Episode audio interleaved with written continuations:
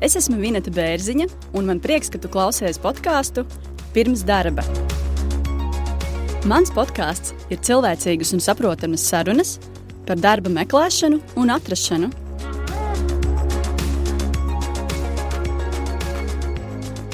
Klausies sarunu ar Aiju Bremšmiti. Viņa ir latviešu valodas un literatūras skolotāja, kas pēc izdegšanas skolā meklē savu dzīves ceļu un profesiju. Es aizgāju bērnu kopšanas atvaļinājumā ar tekstu. Es nekad vairs šeit neatgriezīšos. Es nekad vairs nestrādāšu skolā.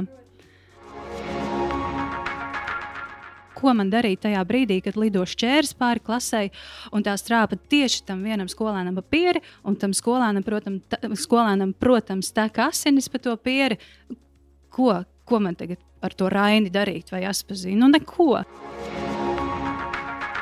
Jā, oktobrī es tapu bezdarbniece, un uh, tikai jūnija beigās saņēmu pirmo aicinājumu uz uh, pārunām. Un, uh, jā, mana tā jau sadragātā pašapziņa cieta, nu vēl vairāk, vēl vairāk. Otrā saruna būs ar Kristiānu Jenčijus, kurš dzīvē ir labāks nekā var redzēt viņa CV. Tad nolaidos, iegāju lidos dušā, uzģērbu uzvalku un turpat devos uz interviju pēc pāris stundām. Un, uh, intervija bija veiksmīga un uh, dabūju prakses piedāvājumu. Tādu nu, pusgadu nodzīvoju Jānzēlānā. Tajā brīdī man bija mērķis, ka man jākļūst, jā, jā, jānokļūst šajā Big Forā. Jo nu, tas arī tāds mīts vai fakts, ka uh, uz, uz tiem cilvēkiem, kas nāk no Big Four, viņiem skatās bišķiņa citādāk finanšu sektorā, kad viņi ir izgājuši cauri gaisa mašīnai un, un tagad viņi Es uh, kaut kur lasīju rakstu, ka uh, mileniāļi savā dzīves laikā nomainīs uh, vismaz septiņas uh, profesijas. Mana podkāstu partneris šajā sezonā ir programmēšanas kursi Kodeleks. Tā ir iespēja cilvēkiem, kurus interesē apgūt ļoti pieprasīto un labi apmaksāto programmētāja profesiju. Kodoleks kursos var pieteikties pat bez programmēšanas priekšzināšanām, bet ir jābūt gatavam pilna laika intensīvai apmācībai vismaz trīs mēnešu garumā. Kodoleks kursu īpatnība ir tāda, ka kursu vadītāji palīdz savam studentam pēc apmācībām atrast darbu programmētāja profesijā. Kodoleks kursu atšķirība ir, ka studenti par apmācībām sāk maksāt tikai tad, kad ir atraduši programmētāju darbu ar algu, kas pārsniedz 1000 eiro uz rokas. Par kodoleks kursiem vairāk var uzzināt podkāstu sociālajos kontos un epizodes aprakstos.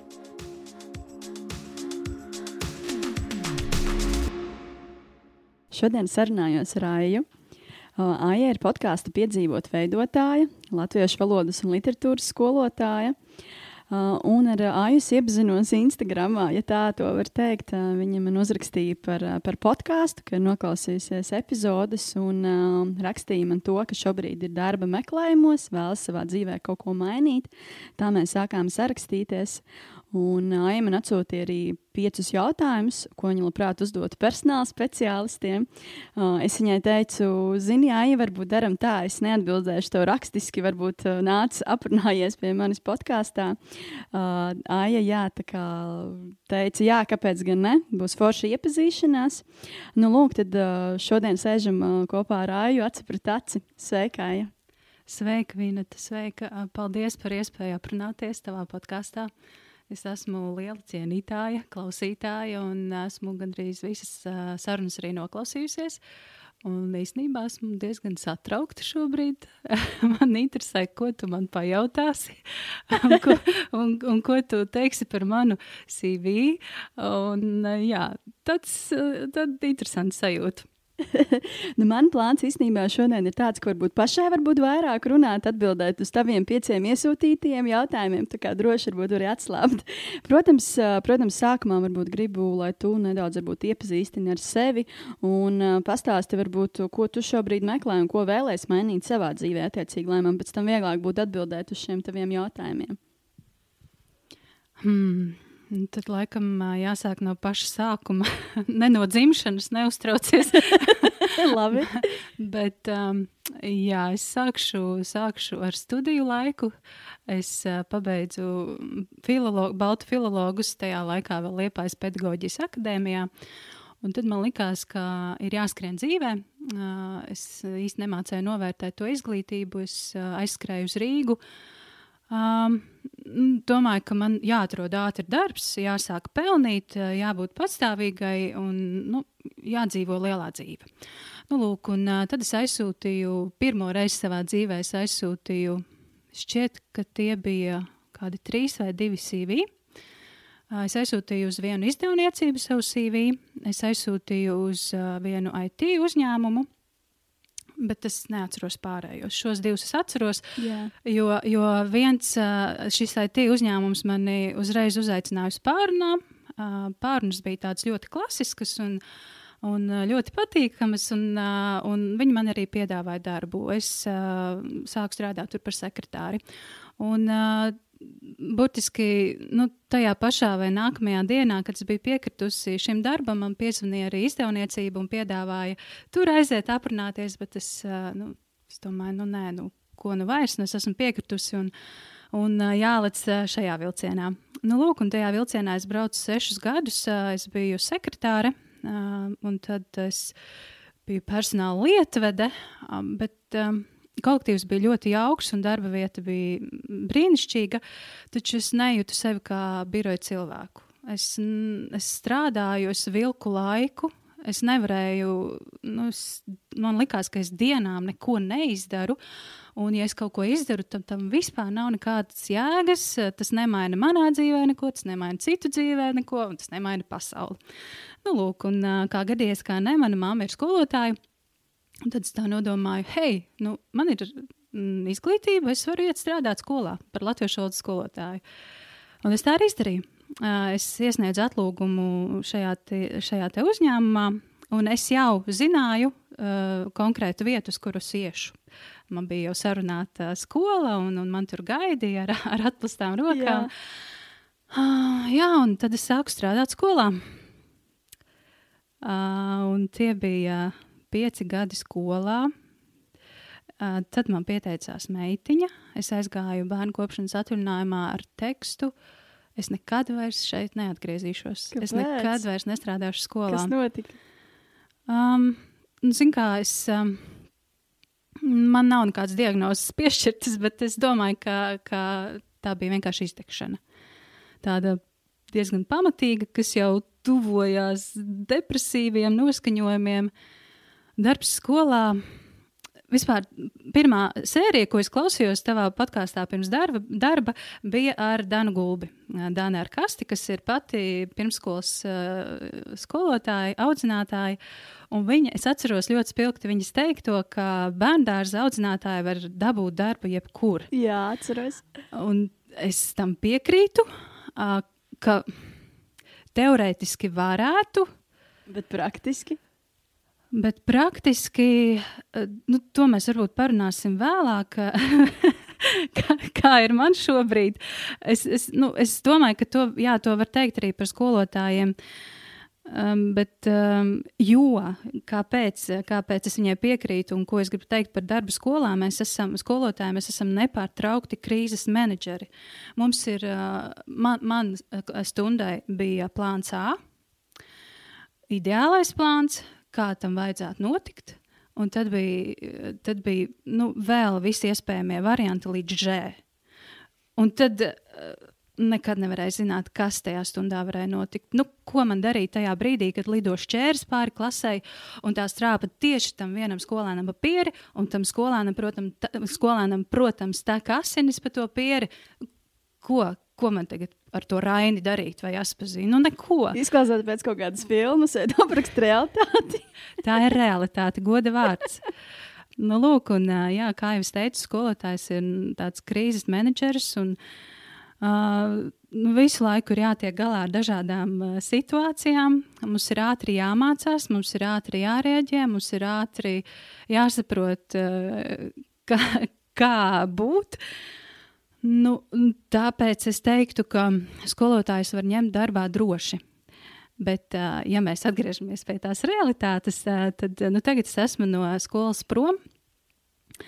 Es, jā, es, es izdarīju, nu, šobrīd es domāju, ka tā bija kļūda. Es pēc dekrēta tomēr atgriezos skolā. Jo man šķita, ka es, nu, es esmu atpūtusies, es esmu iedvesmojusies, es klausījos uh, podkāstus par pedagoģiju, kur pedagogi stāsta, cik brīnišķīgi var darboties skolā un tik daudz ideju un, un jāiet tik un jāmēģina. Un oktobrī es aizbēgu projām. Nu, es izmantošu vārdu aizbēgu, jā.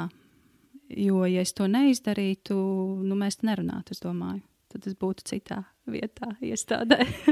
šausmīgi, šausmīgi izklausās. Es ļoti atklāti stāstu par to, bet uh, es domāju, ka par to ir jārunā. Jo es, es ticu, ka, mēs, nā, ka es neesmu vienīgā tāda skolā. Skolotāja darba izbaudīšana tas ir. Um, jābūt ļoti stri, jāmāk novilkt striktas robežas. Šis ir mans darbs. Uh, un tad es eju mājās, un uh, tā, ir, tā ir mana realitāte, tā ir mana ģimene. Uh, es to totāli nemācēju, vispār nemācēju. Ai, saka, lūdzu, kas bija tas brīdis, kad tu saprati, man ir jāiet projām? Hmm. Nu, varbūt uh, tas, ka šausmīgi ilgs klus, ilga klusuma pauze, es domāju, vai es to drīkstu teikt un kā tas izklausīsies. Um, um, es vienkārši sāku, es sāku raudāt. Uh, dažreiz uh, katru ne, sākumā katru nedēļu, beidzās nedēļa, un tad beidzot tas ir beidzies. vakarā, ja? Jā, tad, tad nu jau kaut kur nedēļas vidū arī, un tad katri, katras dienas beigās es, to, es saprotu, ka es to vienkārši vairs nespēju izturēt. Un tad aizēju mājās, un tur ir tas mazais cilvēks, viņš man meita, kurai vēl nav divi gadi. Un viņa ir tāds emociju sūklītis. Viņa tik ļoti jūt, eh, kas notiek manī. Un uh, viņa burtiski uzsūta šīs manas emocijas. Viņa nevar aizmigt vakarā. Un ir jau desmit, un ir jau pusvienpadsmit. Un, un uh, viņa ir uzvilkusies, un es esmu uzvilkusies, jo es saprotu, ka man taču vēl ir jāsagatavo stundas vai kaut kas jāizdara skolai. Uh, un tad, uh, tad uh, jā, tad sapratu, ka nu, tā kā laikam laiks pielikt punktu šai karjerai, kas man īstenībā man patīk šis darbs. Skolotāja darbs. Manuprāt, tas ir skaists darbs. Tas ir tas, ko es neguvu birojā, šo piepildījumu un sajūtu, ka es strādāju ar jēgu. Skolā es to guvu, bet es to nemācēju darīt tā, lai nenodarītu pāri sev. Nu, tā kaut kā. Aija, liels paldies par atklātību. Uh, saki, saki, lūdzu, ko tu šobrīd meklē, ko tu šobrīd vēlēsies savā dzīvē mainīt, nu, tieši profesionālajā ziņā? Nu, tas ir jā, labs jautājums. es aizgāju no darba skolā ar tādu mm, vīziju, ka nu, tagad es meklēšu savu sapni, ka man tagad būs sapņa darbs un nu, ka viss būs, viss būs skaisti un, un oktobrī es uh, tapu par bezdarbnieku. Un, uh, pirmo reizi savā dzīvē, man ir 36 gadi, es uh, piedzīvoju situāciju, kad es sūtu CV, un es īsti nevienam nesmu vajadzīga. Kā tas tagad ir? Jo uh, pēc augstskolas uzreiz es atradu darbu, es vēlējos kaut ko mainīt, man uzreiz tas izdevās, un tagad nekā un es sūtu vienu CV, otru CV, un, un nekas nenotiek. Un tad vēl tas nelaimīgais Covid pa vidu, kas vispār, man liekas, nogrieza visas iespējas. Un, un tā joma, ko es meklēju, CV, mm, CV online, es skatījos uh, sadaļu izglītības zinātne, uh, kultūra, māksla, nu tad vēl mediju sabiedriskās attiecības kā, kā iespējamais variants. Nu, tās ir tās jomas, kurā, kurās es redzu sevi un kurās es just, justos droši. Un tur es arī meklēju šos sludinājumus. Um, jau oktobrī es uh, tapu bezdarbniece, un uh, tikai jūnija beigās es saņēmu pirmo aicinājumu uz uh, pārunām. Un, uh, jā, mana tā jau sadragātā pašapziņa cieta, nu, vēl vairāk, vēl vairāk. Nu, tā kaut kā jā. Ai, nu redz, kā šī ir tāda Latvijas īpatnība, Latvijas darba devēja īpatnība. Tas nav stāsts par mani vai maniem kolēģiem personāla atlasē, bet tā mēs darām Latvijā. Un tā, teiksim, tā ir, nezinu, kā to pareizi pateikt, pieņemts varbūt darba devējs, tātad, ko skatās CV, galvenā lieta, kam pievērš tieši darba pieredze, tā kā tāda atbilstība saucamā, gan, gan pieredze, gan nozare, gan citas lietas. Un, attiecīgi, ja mēs runājam par šo pieredzi, tad uh, tur svarīgums ir aptuveni 90%. Un tad vispārējais, kas ir 10%, nezinu, tur valodas izglītība, citas lietas, tad uh, 10% aizņem citas lietas. Un pats svarīgākais ir uh, šī pieredze, atbilstība. Nu jā. ar, ar labu raksturu. Nekur tālu netiks Latvijā, laikam. um, es visu laiku domāju par savu visai pieticīgo CV, un es saprotu, ka, mm, ko es jau pati arī sapratu šo, šo deviņu mēnešu laikā. Uh, ja sākumā es uh, skatījos uz varbūt tādiem uh, nopietnākiem amatiem, nerunājot par, eh, par direktoriem vai par kaut ko tādu, tad, eh, tad pamazām es eh, sapratu, ka man tā latiņa jālaiž zemāk, zemāk, zemāk. un, un tad es, jā, beig, beigās šobrīd esmu tādā situācijā, kad, kad es esmu vispār atmus, atmetusi domu sameklēt darbu. es, es vispār neeju CV online, es gāju katru dienu, katru rītu, pat vairākas reizes dienā. Iegāju tur, paskatīties, kas tur notiek, vai kaut kas jauns un interesants nav. Bet tagad es um, labi reizi nedēļā tur ieju, un man ir palicis daudz vieglāk. Um, man ir ļoti atbalstošs vīrs, uh, kas, uh, kas manī šobrīd apmāca programmā AutoCAD. Uh, Viņš ir, eh, viņam ir 11 gadu pieredze mm, gāzes un, un uh, ūdens projektu zīmēšanā šajā programmā. Es esmu viņa māceklis. un, uh, ļoti jauki. Viņš teica, un tad, kad tu vēl varēsi, kad tev ienāks pirmā naudiņa, tad vispār būs lieliski. yeah.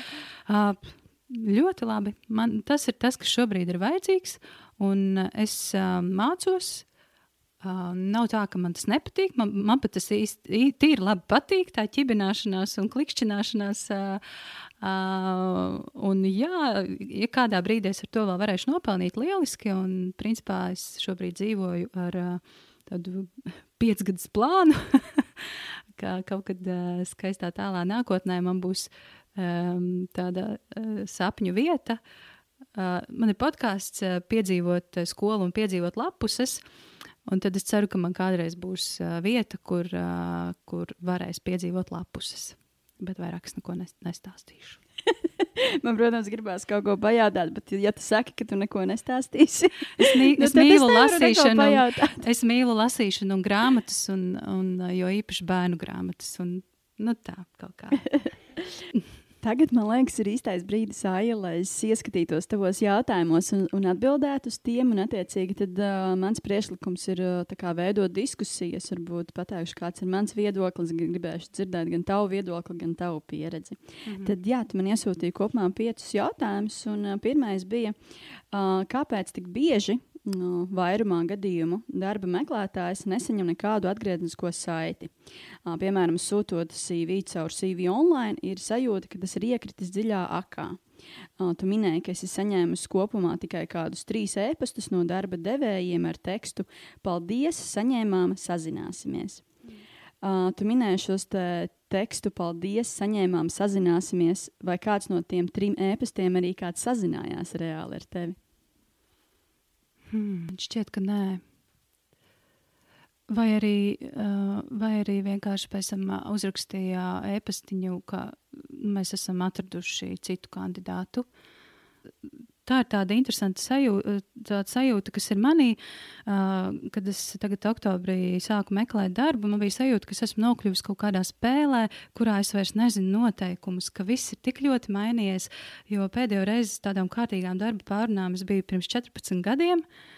Un uh, tad vēl nebija, ja bija, tad tas bija tik ļoti kaut kas margināls LinkedIn, uh, ko es vispār neizmantoju. Es tur laikam esmu kaut kad pierģistrējusies. Bet, Jā, pati nezinu. Bet, es, bet es, tur, es tur neesmu bijusi nu, pēdējos gadus, desmit noteikti. Jā.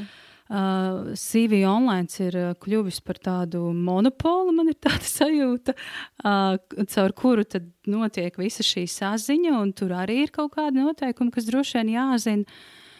Um, nu jā, un, un tad, tad man šī spēle, es, es, es it kā, it kā spēlējos, bet tādu sajūtu, es šim esmu vienkārši pa vecu. Vai tu tiešām 36 gados? nē, cerams, jau ka nē. Bet, es domāju, ka nē. Nu, es piekrītu, ka 14 gadu laiku, laikā noteikti ļoti daudz kas ir mainījies darba tirgu. Un, un jā, runājot par šiem monstriem, LinkedIn un, un citiem, protams, tur ir nepieciešama bezmaz vai divu stundu konsultācija par katru, lai tu saprastu kaut kādas tikai uh, pamata lietas. Atbildēt, atbildot uz tavu jautājumu, kāpēc vairākumā, vairākumā darba, meklē, darba meklētājs tomēr nesaņem nekādu atgrieznisko saiti par savu CV, uh, tu droši vien esi pamanījis, ka ļoti daudz darba devēja norāda savā darba sludinājumā, ka sazināsimies tikai ar, ar, ar teiksim, atbilstošiem kandidātiem. Un te teiksim tā, manuprāt, ir vairāk tā tāda tehnoloģiskā nianse, vai darba devējs izmanto kaut kādu šo te vai nu, vai nu ēpastu, attiecīgi, kas automātiski atnāk katram, katram cilvēkam, kurš piesakās, vai ir kaut kāda sistēmā, programma, attiecīgi personāla atlases, kur tad arī tas viss notiek automātiski. Jo tīri fiziski, ja man e-pastā iekrīt CV, atbildēt katram, paldies, saņēmu, jā, tā var, protams, darīt, bet, nu, protams, tas aizņem laiku. Līdz ar to, manuprāt, tas ir tā tāds uh, slinkums darba devēju, uh, attiecīgi ieguldīt, nezinu, pusstundu, lai atnāk šī atbilde, kaut vai atb automātiska atbilde. Cik zinu, ja tu sūti pieteikumus caur CV online, tad tur automātiski atnāk, bet tas ir no CV online puses, ka ir nosūtīts. Bet, uh, kā jau tu minēji, jā, tā ir, ka attiecīgi darba, darba, no darba devēja šis paldies atnāk ļoti reti. Arī es pirms uh, burtiski trim mēnešiem biju darba meklētājs, un uh, praktiski es saņēmu tikai no CV online kaut kādu ziņu no pašiem darba devējiem. Nu, praktiski nu, arī bija uz vienas rokas pirkstiem, varbūt saskaitāms. Jā, nu, žēl. ja kā gadījumā, nu, es domāju, ka šo podkāstu klausās personāla speciālisti. Noteikti un, klausās, domāju. Jā, sveiciens visiem. um, es domāju, ka ir vērts ieguldīt tajā, tajā automātiskajā atbildē. Es nezinu, cik tas ir finansiāli. Uh, nu, tas neko nemaksā. Nu, jā, bet tas ir, bet tas ir, nu, tas ir cilvēks cilvēciski. Tas ir jautājums par pieklājību, manuprāt. Uh, es, es, uh, es sēžu mājās un tiešām gaidu. nu, tiešām gaidu to atbildi, un vismaz kaut kādu atbildi. Un, un es gaidu jebkuru atbildi. Es domāju, ka jebkurš uh, cilvēks, kas meklē darbu, uh, vienkārši nu, tas, tas ir ļoti svarīgi saprast, kas notiek.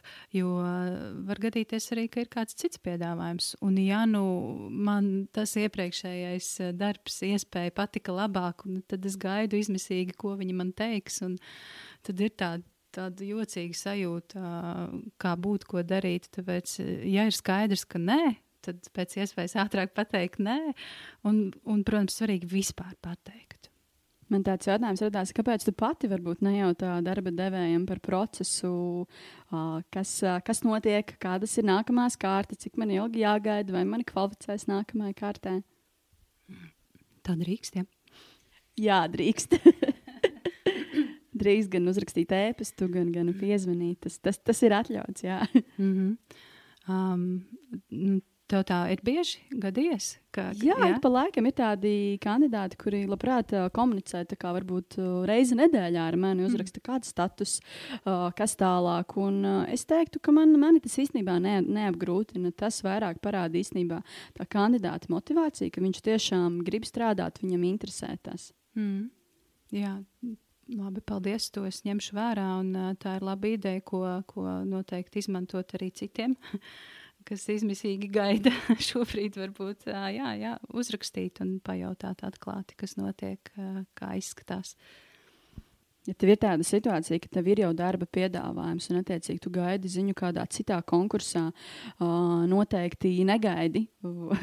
Vai nu pati pajautā tam, attiecīgi, tam darba devējam, vai otrs variants vienkārši saka, jā, tam piedāvājumam. Un, man liekas, arī akli ir uzticēties, ja tev tas darba devējs sola, nu, mēs tev atbildēsim tur pēc dienām, X, bet tev jau ir termiņš, kur tev ir jādod tavam darba piedāvājumam atbild. Tādā veidā tu vari palaist savu, savu piedāvājumu, teiksim, tā vilcinot garumā runā. Tāpēc, tāpēc iesaku gan tev, gan klausītājiem, ja tāda situācija, noteikti teikt jā piedāvājumam, un nevis gaidīt dienu X, kad nāks, nāks labāks, skaistāks piedāvājums. Visticamāk, tas darba devējs pat nepateiks tev paldies. Mm. Jā, nu skaidrs. Tas, ko es esmu sapratusi, un tas vispār nav nekāds jaunums, ka darba meklēšana ir cieši saistīta ar cilvēku pašapziņu un, un un te nu, te nu gan ir jābūt nu, tādai iekšējai pārliecībai, pašapziņai, piezinīt un pajautāt, nu, kas notiek. Būs, nu, nebūs. Nu, var sākt ar rakstīšanu. Nezinu, jā, jā, uzrakstīt vai LinkedIn. Jā, jā. Es gribēju arī piebilst par to, ka par šo atgrieznisko saiti, ka, manuprāt, tā ļoti svarīga, ko attiecīgi personāla atlases speciālists sniedz kandidātam, ir tīpaši tādam, kurš ir bijis uz darba intervijām, varbūt pat mājas darbs pildījis. Ko es šobrīd redzu, kas, manuprāt, ir tāda lieliska praksa, ka cilvēks, kurš ir izpildījis šo praktisko darbu, nu, vai nu mājās, vai nu uz vietas, nav svarīgi, kas sniedz atgrieznisko saiti par to, kas varbūt ir bijis labi, kas varbūt pietrūkst.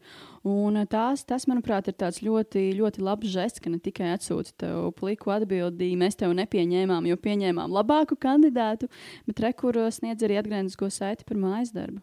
Vai tikpat labi par, eh, par to, kāpēc netika pieņemts. Mm. Jā, es, eh, es piekrītu.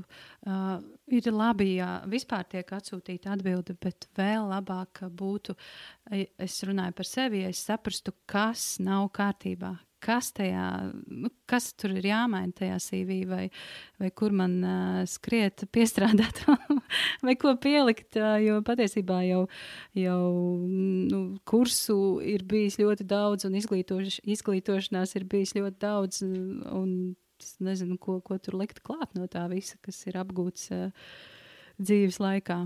Ja tu gribi dzirdēt tādu atgrieznisko saiti par tevi, kas varbūt ir jāuzlabo un tā tālāk, noteikti jautā. Tad jā, varbūt tāda situācija, kad šis te, personāla atlases speciālists tev zvana un, attiecīgi, ir tāds standarta teksts, paldies par tavu laiku, bet šoreiz izvēlējāmies citu kandidātu, arī ļoti labu kandidātu. Tad visticamāk, šajā gadījumā nu, ļoti reti, kad kāds sniegs šo atgrieznisko saiti, ja tu nejautāsi. Ja tu pajautāsi un būsi varbūt uzstājīgi, tad noteikti tev pastāstīs un paskaidros atceros uh, vairāk. Tā kā droši jautājiet. Paldies! Uh, to arī jautāja, ko vēra, vēro, skatās, pamana darba pārunu laikā un cik svarīgs ir apģērbs un ārējais izskats. Nu, tā tad, uh, manuprāt, skatās visu. Pirmkārt, to, kā, kā kandidāts atbild uz jautājumiem, ko viņš atbild, kāda ir viņa verbālā, neverbālā komunikācija. Uh, par apģērbu runājot, es teiktu, Nu, galvenais, lai tīrs apģērbs.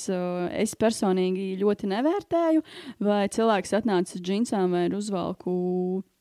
Es varbūt strādāju tādā brīvā vidē, un, ja ir atnācis kāds ar uzvalku tieši tad, varbūt liksies dīvaini. Tā kā es teiktu, ka tas ir ļoti atkarīgs no nozares un no pašas uzņēmuma kultūras. Attiecīgi, tev pašai ir jāizdara tāds mājas darbs un jāpapēta, uh, ko man vilkt uz, šo, uz šīm darba pārunām šajā konkrētajā, konkrētajā kompānijā vai nozarē. Kā otrs jautājums, tu jautāji, kāpēc nesazinās ar tevi un kas ir tas noteicošais faktors, kas nosaka, kuri pretendenti tiks uzaicināti uz pārunām. Nu jā, kāpēc, kāpēc nesazinās? Visbiežāk, protams, svarīgs ir šis CV, jo tas ir, protams, pirmais tā tāda vizītkarte, ko tad ierauga darba devējs par tevi. Un noteikti ir aplami domāt, ka tagad tavu CV kāds lasīs. Noteikti nē. Es personīgi CV veltu pāris sekundes, apskatot, un, uh, attiecīgi, ja man tas CV kaut kas aizķerās tajā, ka es redzu, ka ir atbilstība, tad es uh, veltu vēl pāris sekundes. Un, uh, jā, tad līdz ar to tev, kā darba meklētājiem, ir jāsaprot, ka tev ir jārada pirmais iespējas ļoti ātri. Līdz ar to tavam CV jābūt teiksim, tā, piesaistošam un jāizceļās no pārējiem simts pieteikumiem. Nu, jā, nu, ja mēs minam, jā, ka, piemēram, ir tie simts pieteikumi.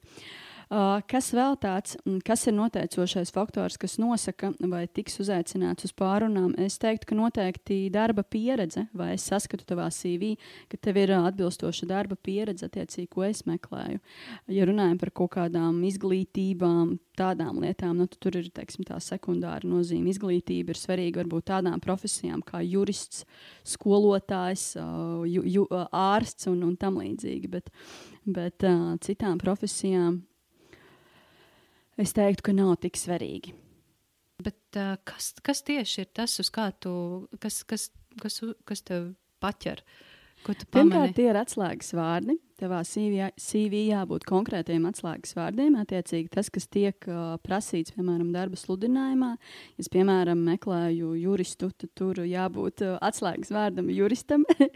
ja es šo atslēgas vārdu neieraugu, tad visticamāk man tā kā, ne, kā lai to pasaka.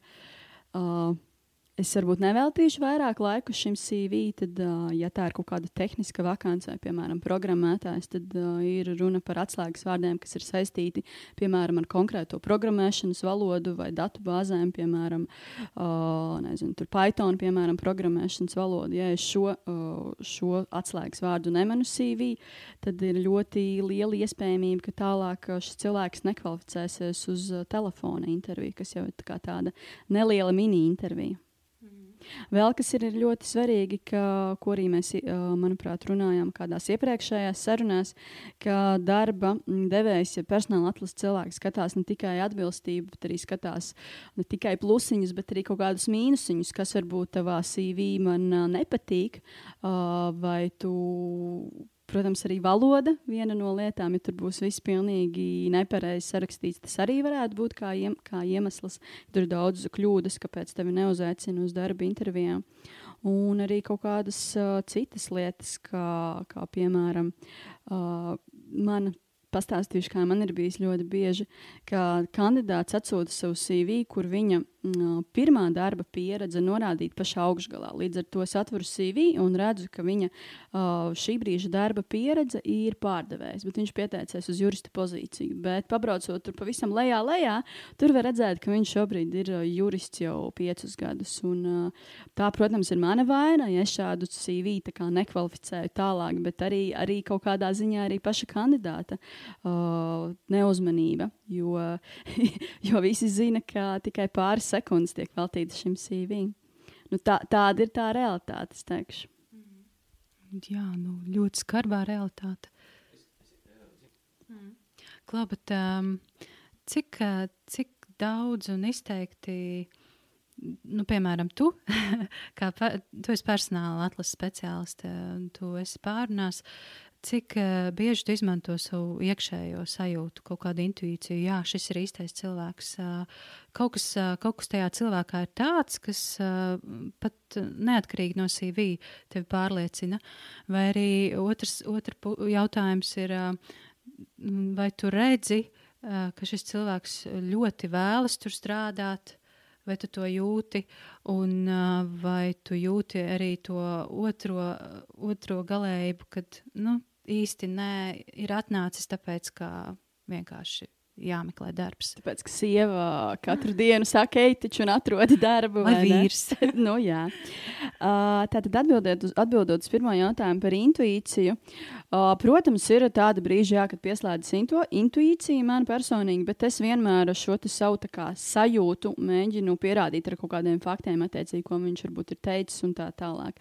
Man ir bijušas tādas situācijas, uh, jā, jo visbiežāk uh, intervēju kopā ar, ar vadītājiem cilvēkus. Ir bijušas tādas situācijas, kad vadītājs pasaka kaut ko, nu, piemēram, nezinu, man šķiet, ka viņš neiederēsies. Es viņam pajautāju, kāpēc. Es viņam vienmēr pajautāju, kāpēc tu tā domā. Un, ja viņam nav nekādu argumentu, tad uh, visbiežāk tā ir tikai kaut kāda nu, tā kā tāda tikai sajūta, ka tam nav nekāda pamata. Un es parasti arī uz to norādu. Un tad uh, vadītājs parasti pasakā, nu jā. tāpēc, tāpēc jā, intu, intuīcija ir, protams, svarīga, bet manuprāt, svarīgi ir kā, fakti, kas notiek tajā intervijā, ko viņš saka un, un kādas ir šīs situācijas. Un par to um, sajūtu, vai tas cilvēks ļoti vēl strādāt uh, konkrētajā vietā, vai īsti nē?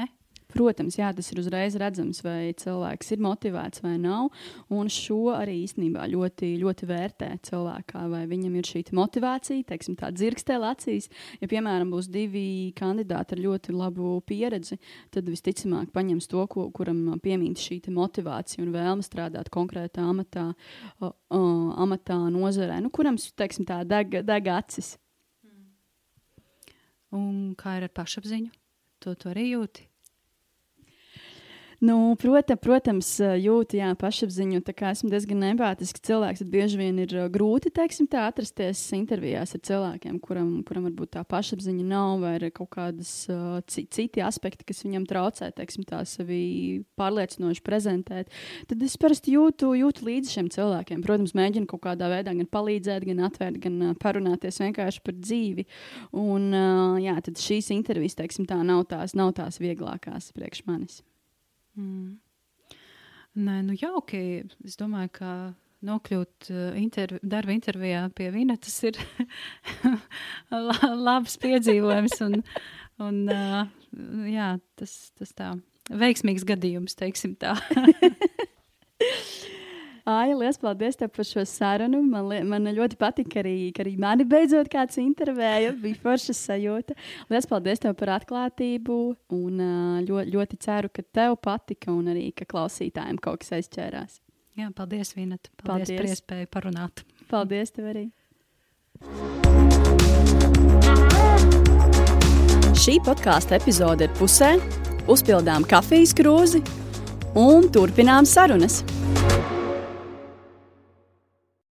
Šodien sarunājos ar Kristiānu. Kristiānu esmu satikusi darba intervijā pavisam nesen, un viņš par sevi atstāja ļoti labu iespaidu, ļoti labi prata sevi prezentēt, un tāpēc jā, mēs ar Kristiānu izdomājām vēlreiz tikties un aprunāties par viņa darba pieredzi un par citām lietām. Sveiks, Kristiāna! Jā, sveiki! Paldies par uzaicinājumu! Sveiki, klausītāji! Uh, prieks šodien atrasties šeit ar jums un, un, un pastāstīšu par savu pieredzi ārzemēs, kā arī tagad darba meklējumos. Šobrīd Covid, diemžēl, ir arī manas kāras. Uh, super, nu jā, tad varbūt pastāsti par, par savu pieredzi. Tā varbūt īsumā uh, es redzu tavā CV, ka, tev ir, uh, ka tu esi bijis Jaunzēlandē, kas tā kā metās uzreiz acīs. Jā, pareizi. Vispār, uh, vispār studēju, pabeidzu bakalauru Nīderlandē. Otrajā kursā bija iespēja doties praksē, principā vienā, kur vien es vēlos. Un, uh, iestājoties skolā, man bija šī ambīcija, ka es gribu ceļot, būt praksē pēc iespējas tālāk no Latvijas. Un tad nu, sanāk, ka Jaunzēlanda ir tālākais punkts, ko var aizlidot. Pēc tam sanāk, ka tu lido atpakaļ. Un uh, nolēmu doties uz Jaunzēlandi. Process gan pats par sevi bija diezgan smags, jo man gāju cauri interviju procesam kaut kādus divus mēnešus garumā. Un uh, apmēram septiņas līdz deviņas intervijas man uh, atteica. Pateica, ka uh, es neesmu gana labs, lai, šos, uh, lai, lai uzņemtu šo yeah. praksi. Un tad man bija izvēle, vai nu es lidoju uz Jaunzēlandu un meklēju kaut ko uz vietas, um, vai arī es neatrodu šo praksi un ņemu akadēmisko gadu. Un tad es nolēmu, ka es tomēr došos uz Jaunzēlandu un meklēšu kaut ko uz vietas. Un uh, man bija uh, laimīgā kārtā, man bija pazīstams cilvēks Jaunzēlandē, kurš man sarunāja interviju uzreiz pēc uh, nolaišanās. Lidojums ir 25 stundas. Wow, 25 uh, stundas. Jā, jā. trīs pārsēšanām. Uh, viena bija uh, Frankfurtē un uh, viena Austrālijā. Divām pārsēšanām meloju atvainojies.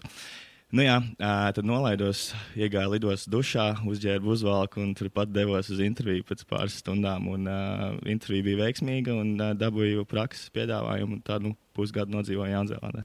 Uh, labi, tad varbūt ar pirmsākumiem sāksim. Ko tu studēji Nīderlandē? Uh, studēju biznesa administrāciju Nīderlandē, uh, mazliet ar fokusu uz viesnīcām. Mm, jā, jo manā vecumā mammai bija bed and breakfast, man, kad es biju maziņš, un nolēmu, ka uh, saistīšu savu karjeru ar to vismaz tajā brīdī. Uh, bet uh, sākot studijas, pēc pirmās prakses Jaunzēlandē, es sapratu īsti, ka laikam tomēr uh, man nākotnē ar, ar viesnīcām nebūs saistīta, ja nu vienīgi finanšu kontekstā, ja nu es palikšu finansēs viesnīco, viesnīcās. Cik ilgu laiku, ah, es saprotu, pusgadu tu biji Jaunzēlandē? Pareizi, pusgads Jaunzēlandē. Uh, kopā studijas bija četrus gadus, tad divi, divi ar pusi no šiem četriem gadiem tika pavadīti Nīderlandē, pusgads tika pavadīts Jaunzēlandē, un pēdējais šaucamais gradua graduation gads nolēma doties atkal praksē uz gadu, un šoreiz uz Ameriku, uz konkrēti Nashville, Tennessee štātu. Un cik ilgu laiku Amerikā bija? Amerikā bija tieši 12 mēneši. Jā, mazliet arī paceļoju pa Ameriku, bet pārsvarā bāzējos Nešvilā, kā jau minēju. Un, un, un, un jo strādāju pilnu slodzi, paralēli rakstīju savu bakalaura darbu, kuru arī pēc tam atlidojot no, jaun, atvainojos, no Amerikas, uzreiz nākamā dienā nācās aizstāvēt. Aizstāvējām ļoti labi, un nākamajā dienā pēc aizstāvēšanas devos jau atpakaļ uz Latviju, kur izbaudīju Latvijas sauli un pludmali. Ko tu varbūt īsumā darīji tajās praksēs, vai tas, vai tas bija saistīts ar to, ko tu studēji? Uh, jā, varētu teikt, ka tas bija noteikti saistīts ar to, ko es studēju. Jaunzēlandē es strādāju Frontdeskā. Uh, šī viesnīca, saucās Novotel. Viesnīca atradās blakus lidostai, lidostas viesnīca, bet tāda vairāk uh, augstā, augstas klases, četras zvaigznes. Tad, um, attiecīgi, ļoti daudz um, face-to-face kontakts ar cilvēkiem, jo cilvēki ielido, cilvēki izlido. Un, un, un viesnīcā es gribētu teikt, ka vidējā kaut kāda šī noslogotība bija ap 95%. Un štatos bija līdzīgi. Štatos es biju Rooms Division supervisors. Tātad Rooms Division iekļauj sevi sākot no recepcijas viesnīcā līdz, līdz um, uzkopšanai un, un, un, un, un, un tā tālāk. Un, uh, tad, jā, tad uh, nācās vadīt um, komandu uzkopšanas departamentā, vai saucamā housekeepingā, kas bija apmēram 400 istabiņu viesnīca. Tātad komanda mums bija 50 cilvēkiem tajā, tajā laikā, un Fronteskā mm, septiņiem līdz astoņiem šiem recepcijas darbiniekiem, ko es arī menedžēju. Tad es saprotu, ka tavas pirmās pieredzes bija viesmīlības jomā, viesnīcās. Jā. Man vienmēr gribās pajautāt par praksēm un tādām lietām, vai par to arī saņem naudu. Uh, jā, viennozīmīgi šīs abas prakses tika, bija apmaksātas. Um, Jaunzēlandē šī bija minimālā alga, un, un, un Amerikā jau tas bija bišķi, bišķi virs minimālās, bet kā arī kā jau viesmīlībā nācās strādāt arī virsstundas, un tās tika maksātas dubultā. Vai tur to naudu, ko saņēmi kā praktikants, varēja izdzīvot ārzemēs? À, jā, viennozīmīgi teikšu, teikšu godīgi, ka Latvijā joprojām neesmu sasniedzis tādu algas līmeni, kā man bija praksē Amerikā. Nu, es nezinu, ko lai atbildētu šo smieties vai raudāt. Fakta. Jā, fakts, jā, jā, tiešām. Tā arī sauksim ļoti interesants fakts. Bet, nu, ņemot vērā, protams, izmaksas un dzīvošanas un, un, un atrast uh, dzīvokli, tajā laikā es uh, dalījos. Mēs dzīvojām trīs cilvēki, četru istabu dzīvoklī. Un, un tad kaut kā, protams, arī kaut kādus iekrājumus varēju veidot, dzīvojot ar, ar trīs dažādiem cilvēkiem kopā. Un tad beigu, beigās jau viss bija forši. Labi, tā tad tu biji viesmīlības jomā, strādāji ar cilvēkiem. Uh, kā tu nokļuvi Big Four, kā tu nokļuvi Price Waterhouse? Pastāsti, lūdzu, kā, kā tāda karjeras maiņa? Um, jā, tad, kā jau minēju, pēc pirmās prakses Jaunzēlandē sapratu, ka uh, tomēr, tomēr negribu veikt savu karjeru ar, um, ar viesmīlību. Uh, vismaz ne face-to-face -face interaction ar cilvēkiem, jo uh, Uh, Amerikā cilvēkiem ir ļoti liels prasības, citreiz varbūt pilnīgi neadekvātas kaut kādiem, kaut kādiem brīžiem. Un uh, tad es sapratu, ka uh, es to nevēlos darīt, kad es gribu tomēr iet uz finansēm, jo arī augstskolas laikā uh, tie bija priekšmeti, kas man padevās. Un, uh, tad, nu jā, tad atgriezos Latvijā, vasaru tā teikt, nobumbulēju, un, un, un nāca, nāca septembris sākums. Uh, Un, un, un, un tad meklēju, meklēju darbu Big Forā. Kā jau minēju, tu meklēji tieši tikai tur darbu, citur, citur ne? Uh, tā sanāk īstenībā, jā. Es biju, Tev bija mērķis, ja? Jā, tajā, tajā brīdī man bija mērķis, ka man jākļūst, jā, jā, jānokļūst šajā Big Forā, jo nu, tas arī tāds mīts vai fakts, ka uh, uz, uz tiem cilvēkiem, kas nāk no Big Four, viņiem skatās bišķiņ citādāk finanšu sektorā, kad viņi ir izgājuši cauri gaisa mašīnai un, un tagad viņi Nu, ir, ir tā, jā, ir. Nu, jā. Tad, nu, tad nu devos uz Praisu. Uh, Praisā Prasā diezgan ātri šis process bija, jo viņiem vajadzēja tieši cilvēku, un es jau biju pēc tā pieteikšanās procesa pieteicies. Tad bija pirmā intervija trešdienā, ceturtdienā bija otrā intervija, un piekdienās parakstīja līgumu. Un tad jaunadēļ, principā, mēs sākām sadarbību. Un uh, nostrādāju Prasā gadu. Un, un, un, un tad nu, sanāca tā, ka uh, cilvēks, ar ko es Prasā kopā strādāju, šis cilvēks devās uz citu uzņēmumu, un uh, šis cilvēks arī mani pēc pār, pārāk pāris mēnešiem uzaicināja uz šo uzņēmumu, kā, kā pa biznesa kontrolieru strādāt. Un tad pēc pār, pāris mēnešu apdomāšanās uh, pieņēmu šo izaicinājumu un, un devos projām no Praisa uz, uz, uz startup vēl tajā laikā. Šobrīd arī vēl startups kā, kā biznesa kontrolieris. Un kā biznesa kontrolieris, cik tu tur ilgi pastrādāji? Kā biznesa kontrolieris es strādāju gadu un piecus mēnešus. Gribētu, jā, man liekas, ka gadu, četrus gadus, piecus apmēram. Nu, pusotru, ja tā nopietni. Jā, ja, ja mēs vēl vēlkam un apaļojam, tad pusotru. Jā. Uh, tur, tur bija visādi, visādi gāja. Uh, lielos vilcienos ļoti labi gāja. Mm, daudz iemācījos, bija dažādas atbildības. Kā, kā man paši priekšnieki teica, sēdēja kādu brīdi uz trījiem krēsliem vienlaicīgi. Uh, tad, principā, visu uzņēmumu manā pārziņā bija šī finanšu, finanšu pārvaldība, juridiskās lietas, un, un, un tad jau arī kreditoru, debitoru komunikācija, grāmatvedības komunikācija un, un, un vēl šādi tādi projekti saistībā ar LIA un, un FKTK. Uh, saprotu, ka šobrīd esi bez darba, tā kā esi darba meklējumos, bet tev ir vēl viena darba pieredze, pieredze fintech nozarē. Uh, ko, ko, ko tu darīji fintech nozarē? Attiecīgi, kas, kas tu tur bija? Teiksim tā, ka strādājot šajā otrajā startupā, kur es strādāju, challenge varbūt nebija vairs tik liels.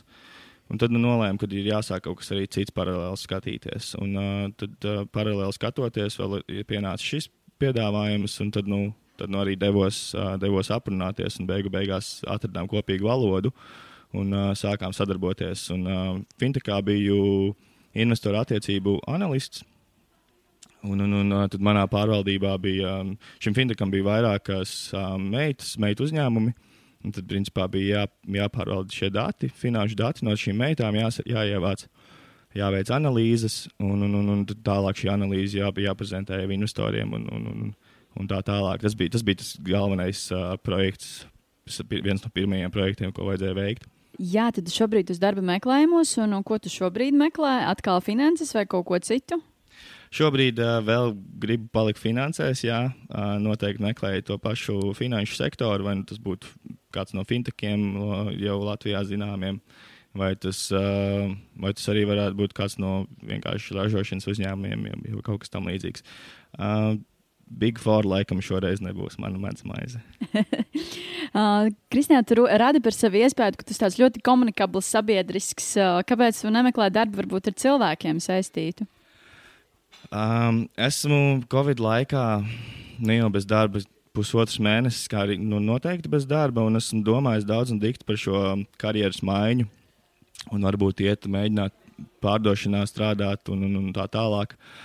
Bet uh, es jūtu, ka man vēl finansēs ir, ir ko sev pierādīt, ir ko vēl iemācīties, un, un, un runājot tieši konkrēti par pārdošanu. Uh, man nekad nav paticis cilvēkiem uh, uzplīties ar, ar kaut kādām lietām, ko viņiem varbūt konkrēti nevajag, un, un mēģināt viņu nopārdot. Tāpēc, tāpēc šobrīd palieku tur, kur es esmu. Labi, tad, tad jā, vēl veiksmes tev darba meklējumos, finansēs. Paldies! Īstenībā ir viena tēma, par ko es gribu paturpināt šodienas sarunu, dzirdēt tavu viedokli. Es skatos tavā CV, ka jā, tev bija prakses, kur varbūt nebija tik ilga darba pieredze, pēc tam tu praisā nostrādāji gadu, tad tālāk kā biznesa kontrolieris pusotru gadu, tad tālāk uh, puzzle finance. Tev nav, teiksim, tā tik ilgas tās darba pieredzes. Kāpēc varbūt tu savā CV neesi norādījis uz darba maiņas iemeslus? Uh, personīgi man liekas, ka CV ir jābūt uh, pēc iespējas īsākam, uh, lai viņš uh, ideālā gadījumā šīs vienas vai divām A4 lapām. Uh, cilvēks, kurš viņu otrā pusē skatās, uh, viņš var pāriet ātri viņam pāri un ieraudzīt varbūt lietas, uh, svarīgākās nianses un, un, un, un, skills cilvēka. Tāds varbūt mans viedoklis. Kā, kāda ir tava pieredze darba intervijām vai telefona intervijām? Vai darba devēja jautā šo darba maiņas iemeslus? Vai savukārt ir tādi, kuri to nepajautā un to arī nepastāsti? Telefona intervijās noteikti man nav jautāts šis, šis jautājums, jo viņas ir pārsvarā īsas līdz, līdz 10, 15 minūtēm, vismaz man, manā pieredzē. Um, runājot par uh, klātienes vai uh, video intervijām, manuprāt, nu, pēdējo trīs mēnešu laikā man noteikti ir uh, uzdots šis jautājums, uh, kāda ir bijusi mana motivācija iet projām no iepriekšējām vietām.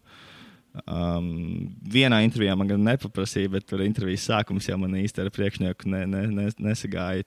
Tā, un, uh, mēs šķirāmies uz to, ka nu, uzdevumu nesūtīsim. Kas tur bija tāds?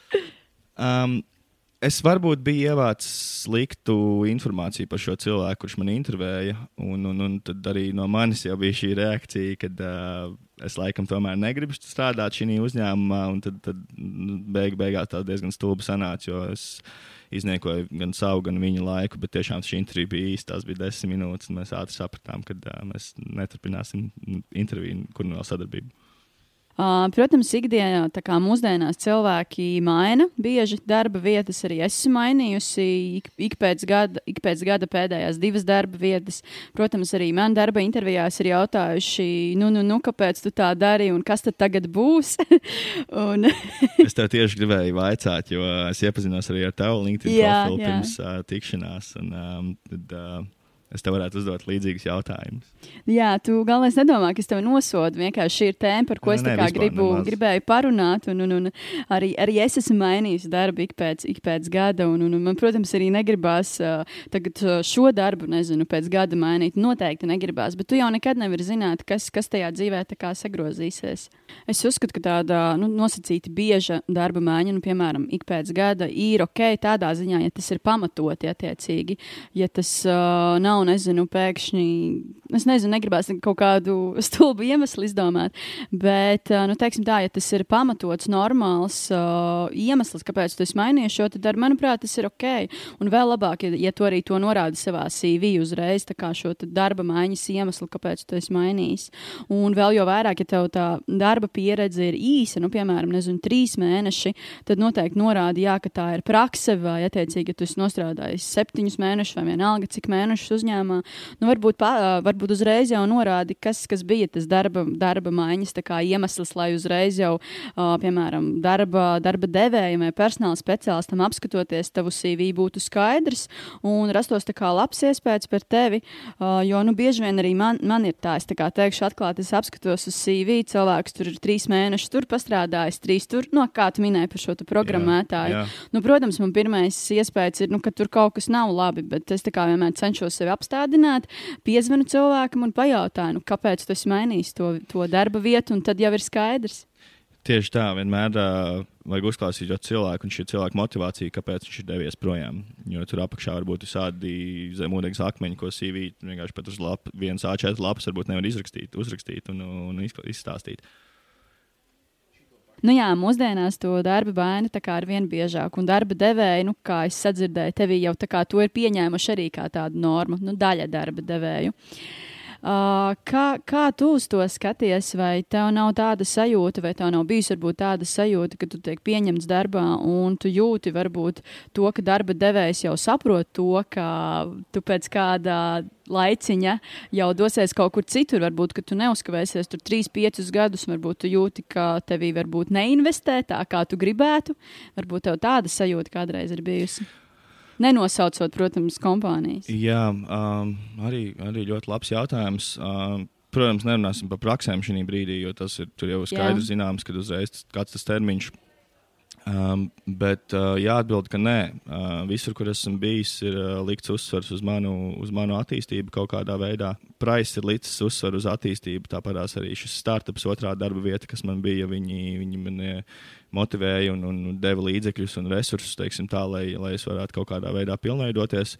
Un tāpat arī pēdējais fintechs, kuras strādāju, tur jau uzreiz man. Uh, pieņemot darbā, mēs vienojāmies par to, ka konkrēts procents no manas uh, bruto gada algas tiek novirzīts manā, manā attīstībā. Tie būtu kursi, vai tās būtu grāmatas, vai konferences, vienalga, ap, aptumī. Izklausās lieliski. Uh, nu jā, mūsdienās ir tā, ka jā, šeit cilvēki biežāk maina darbu, un uh, līdz ar to tas ir tā tāds risks, ka tu maini darbu tu simtprocentīgi neesi nu, pārliecināts, ko tu varbūt iegūsi, tad ik pa laikam tu riskē. Kā, ko tu par to domā? Um, jā, esmu īstenībā saskāries ar šo, šo risku, teiksim tā, jo iespējams, ja es nebūtu riskējis ar šo pēdējo finteku, man vēl joprojām būtu darbs. Um, Un runājot par risku, arī šis startups, kur es strādāju, viņš ir ļoti perspektīvs un, un, un ļoti iespējams, ka būs, būs labs exits, un, bet nu, to tikai laiks rādīs. Bet, manuprāt, kurš, kurš neriskē, tas nedzer šampanietis, tā jāsaka. Ir, un tu nekad nezini, kas tev sagaidīs um, pie, tā, pie tā jaunā darba devēja. Tas var būt, protams, var būt visādi un varbūt arī slikti iznākumi. Um, bet uh, es uzskatu, ka.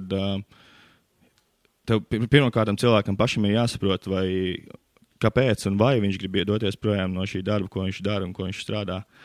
Un, un, un, un, un ja atbilde uz šo ir jā, tad uh, es gribu doties projām, un, un tā motivācija ir kāda viņa ir tajā brīdī, tad nu, ir šis risks jāņem un, un jāiet projām. Loģiski ir jāizvērtēs, kuriem te ir, un, un, un, un jāapdomā divreiz pirms tu paraksti līgumu. Protams, ka ir, ir kārtīgi jāizvērtē. Īpaši iesaku arī atsauksmes pajautāt par kompāniju, varbūt uzrakstīt, nezinu, LinkedInā cilvēkiem, kas tur strādā vai strādā, ja? pajautāt, kā, nu, kādas ir atsauksmes. Jā, reāli. viennozīmīgi. Es arī katru reizi, kad es esmu mainījis darbus, cenšos noskaidrot uh, informāciju par, par, par, par priekšniekiem, par kultūru uzņēmumu, par darba, darba vidi. Uh, un, un citām man svarīgām lietām. Un, uh, es iesaku noteikti to darīt arī visiem pārējiem, kuri, kuri šobrīd darba meklējumos vai grasās mainīt darbu. Nu, jā, šī īstenībā arī tāda atsevišķa tēma, par, par ko noteikti var, var veselu podkāstu sēriju uztaisīt. Jā, viennozīmīgi. Par atsauksmēm. Ne tikai jā. atsauksmes iegūst darba devējs par, par kandidātu, bet mūsdienās arī ir tā, ka kandidāti ievāc atsauksmes par darba devēju. Nu, kā, lai saprastu, vai grib vai negrib tur strādāt. Tieši tā, manuprāt, šī tendence paliek ar vien populārāka, kad cilvēki to tiešām dara. Jo, um, manuprāt, to arī pati to es teikusi, kad uh, darba devējs ar, ar, ar darba ņēmēju. Tas ir attiecības, ko mēs mēģinām, mēģinām teiksim, tā, ieiet un, un, un saglabāt pēc iespējas ilgāk, un lai abas puses būtu apmierinātas. Tāpēc abām pusēm ir jāveic šis, šis mājas darbs, pirms, pirms mēs vispār, vispār sākam sadarbību.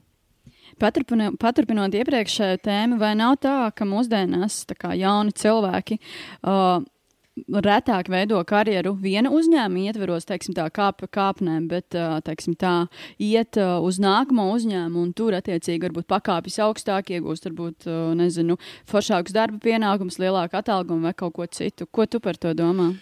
Mm.